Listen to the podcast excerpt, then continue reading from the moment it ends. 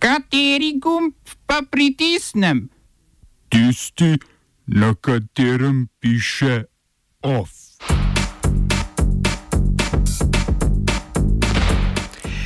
Slovenija za potniški promet zaprla mejo z Italijo.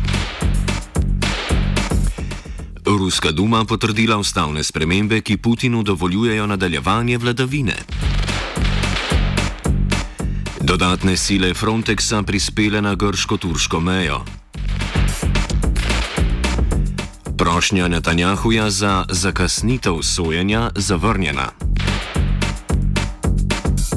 V kulturnih novicah, kdo bo saniral kulturni sektor?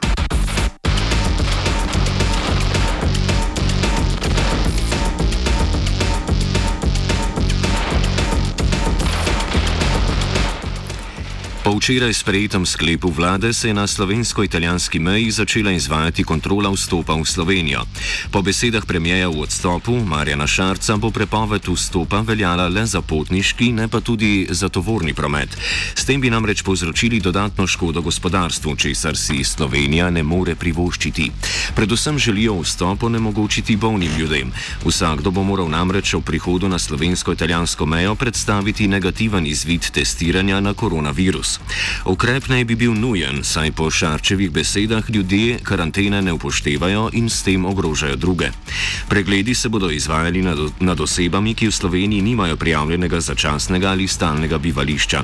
Ministr za zdravje Aleš Šabeder sicer trdi, da meja ni zaprta, da so zaprte le nekatere ceste ter vzpostavljene nadzorne točke.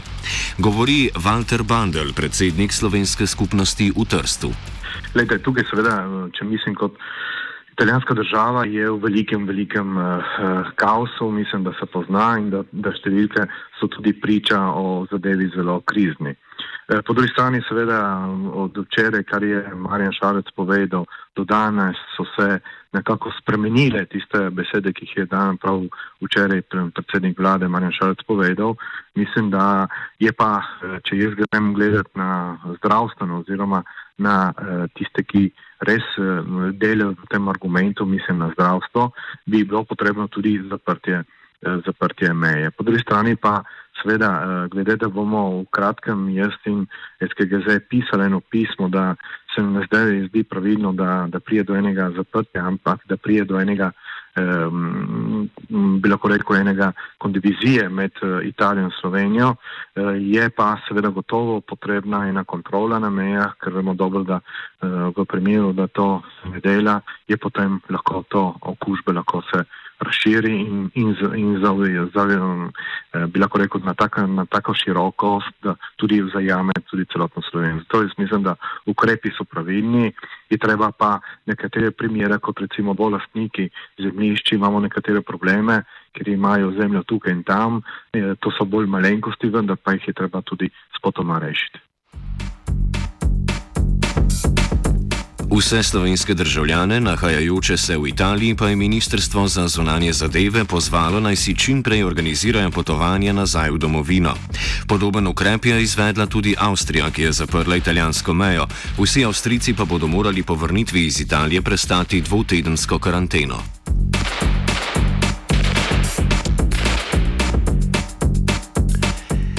Pristojni parlamentarni odbori so potrdili kandidate nove vlade Janeza Janše. Novi ministr za zunanje zadeve bo tako postal Anže Logar. V pristojnem odboru DZ je prejel 13 glasovov za in 7 proti.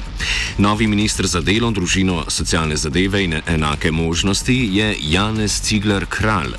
Zadnji je bil potrjen Matej Tonin, ki po lastnih besedah prihaja kot gasilec gasiti požar. Predvidoma je požar trenutno stanje Ministrstva za obrambo, ki ga bi reševal z naborništvom ter metanjem proračuna v vojsko, čeprav je priznal, da je dvodstotno namenjanje BDP-ja vojski v dvoletnem mandatu nemogoče.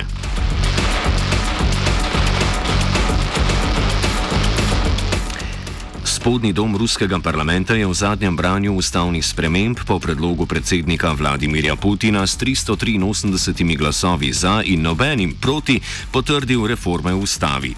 Predlog vsebuje skoraj 400 sprememb, ki med drugim povečujejo moč predsednika vlade ter podeljujejo več pristojnosti parlamentu in drugim institucijam.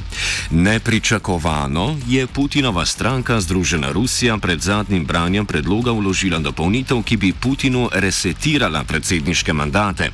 To pomeni, da bi se lahko po letu 2024 znova potegoval za mesto predsednika.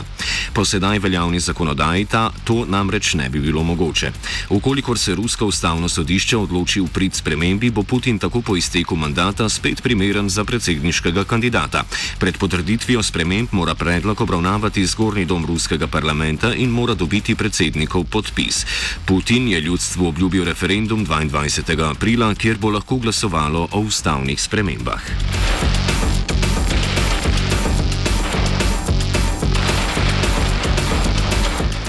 Prošnjo odvetnikov izraelskega predsednika vlade Benjamina Netanjahu pomaknilo je pristojno sodišče zavrnilo. Obramba je trdila, da niso pravočasno dobili vsega materijala tožilstva ter časa pripraviti obrambe. Sodišče je tako gaznima. Medtem ko se Netanjahuju mudi po sodiščih, pa se vodja v zmanjših volitvah. Netanjahu je v Likud s neki osvojil 58 poslanskih mči. Okrepitve Evropske agencije za zunanje meje Frontex so prispeli zaustaviti posredovanje, ki so predvsem policisti. Na pomoč naj bi priskočili grškim policijskim enotam, ki že od začetka marca poskušajo zadržati migrante znotraj Turčije, potem ko je ta odprla kopensko mejo. Evropska unija v strahu pred ponovitvijo begunske krize EU, da bi si za finančno in politično podporo pri izvajanju lastnih interesov vsi EU ne izpolni obljub iz migracijskega dogovora 2016, ker sredstev za preskrbo migrantov v Turčiji. Turčija želi z EU nov dogovor do marca. Grčija ni pa napovedala metod, ki bodo uporabljene za dosego cilja. Turčija trdi, da je grška policija na meji ustrelila tri migrante. Grčija naj bi imela tudi tajne centre, ki niso na nobenem zemljevidu in katerih obstoj vlada zanika, kjer naj bi bili migranti brez pravne podpore in naj bi le čakali na deportacijo. O obstoju pričajo migranti, ki so v deportacijskem centru bili in satelitski posnetki.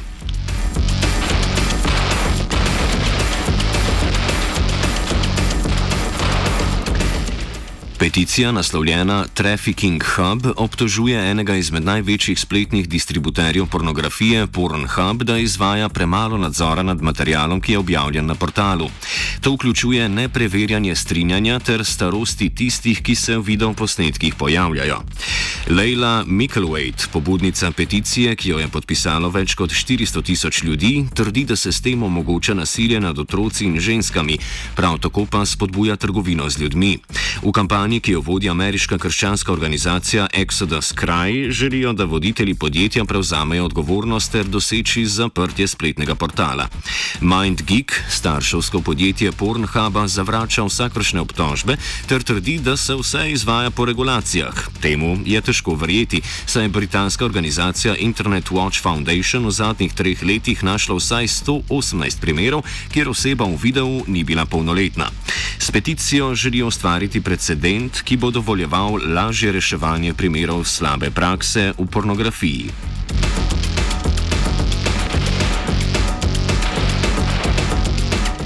OF je pripravila vajenka Lucija.